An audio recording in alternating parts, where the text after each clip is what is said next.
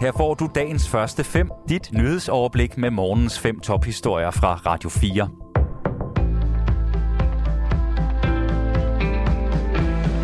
Det er den 2. juni. Mit navn er Ansvi Felt. Godmorgen. Det bliver en udsendelse med fokus på gårdsdagens folkeafstemning, for det blev et ja til at afskaffe forsvarsforbeholdet, da danskerne i går gik i stemmeboksene. Det her, det er en sejr for sammenholdet.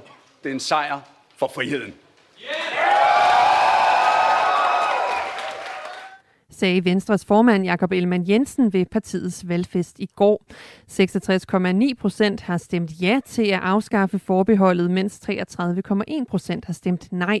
Det viser data fra KMD, der blandt andet står for at indsamle valgresultaterne elektronisk.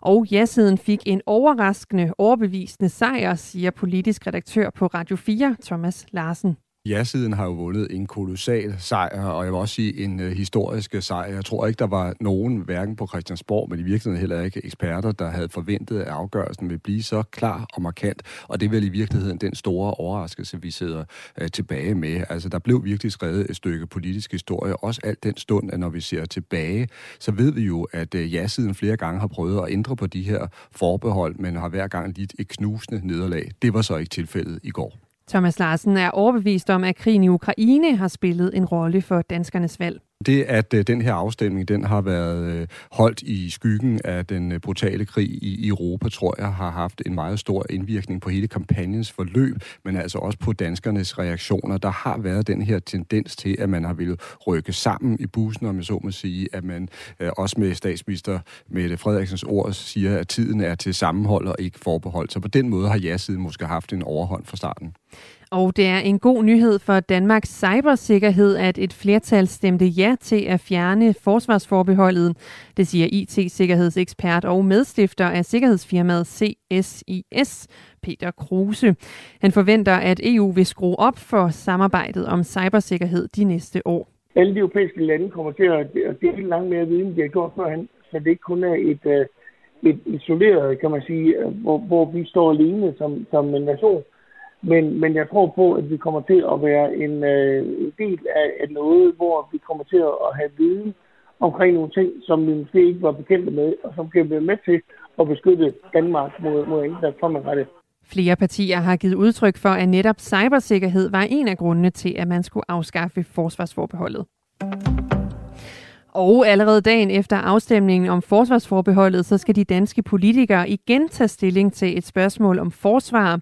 Udenrigsminister Jeppe Kofod vil nemlig fremsætte et beslutningsforslag i Folketinget om at give grønt lys til Finlands og Sveriges ansøgning om optagelse i NATO. Forslaget bliver første behandlet i dag, og anden behandling forventes at finde sted den 7. juni. Mere end hver femte barn i 8. klasse har været udsat for fysisk vold i hjemmet inden for det seneste år. Det viser en ny undersøgelse fra Børns Vilkår. Og det tal kræver handling, det mener Red Barnets generalsekretær Johannes Schmidt Nielsen.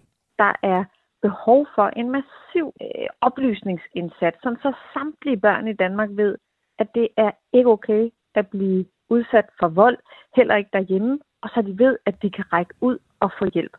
Det er 25 år siden, at revselsesretten blev afskaffet, men i dag er der stadig for mange børn, der ikke kender deres rettigheder, mener Johannes Schmidt Nielsen. Selvom det er 25 år siden, så er der stadig uhyggeligt mange børn, som bliver udsat for vold øh, i hjemmet, ligesom vi ved, at der er mange børn, som faktisk ikke ved, det er forkert, at deres forældre slår. Og hvis ikke de ved, det er forkert, så rækker de heller ikke ud og beder om hjælp. 25-året for afskaffelsen af revselsesretten bliver i dag markeret af en begivenhed, der bliver afholdt af Social- og ældreminister Astrid Krav.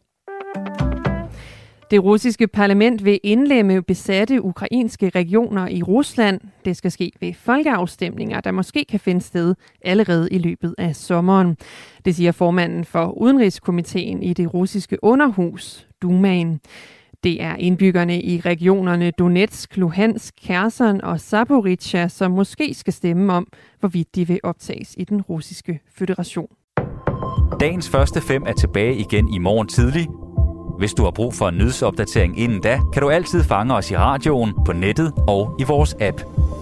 Vi høres ved til dagens første fem fra Radio 4.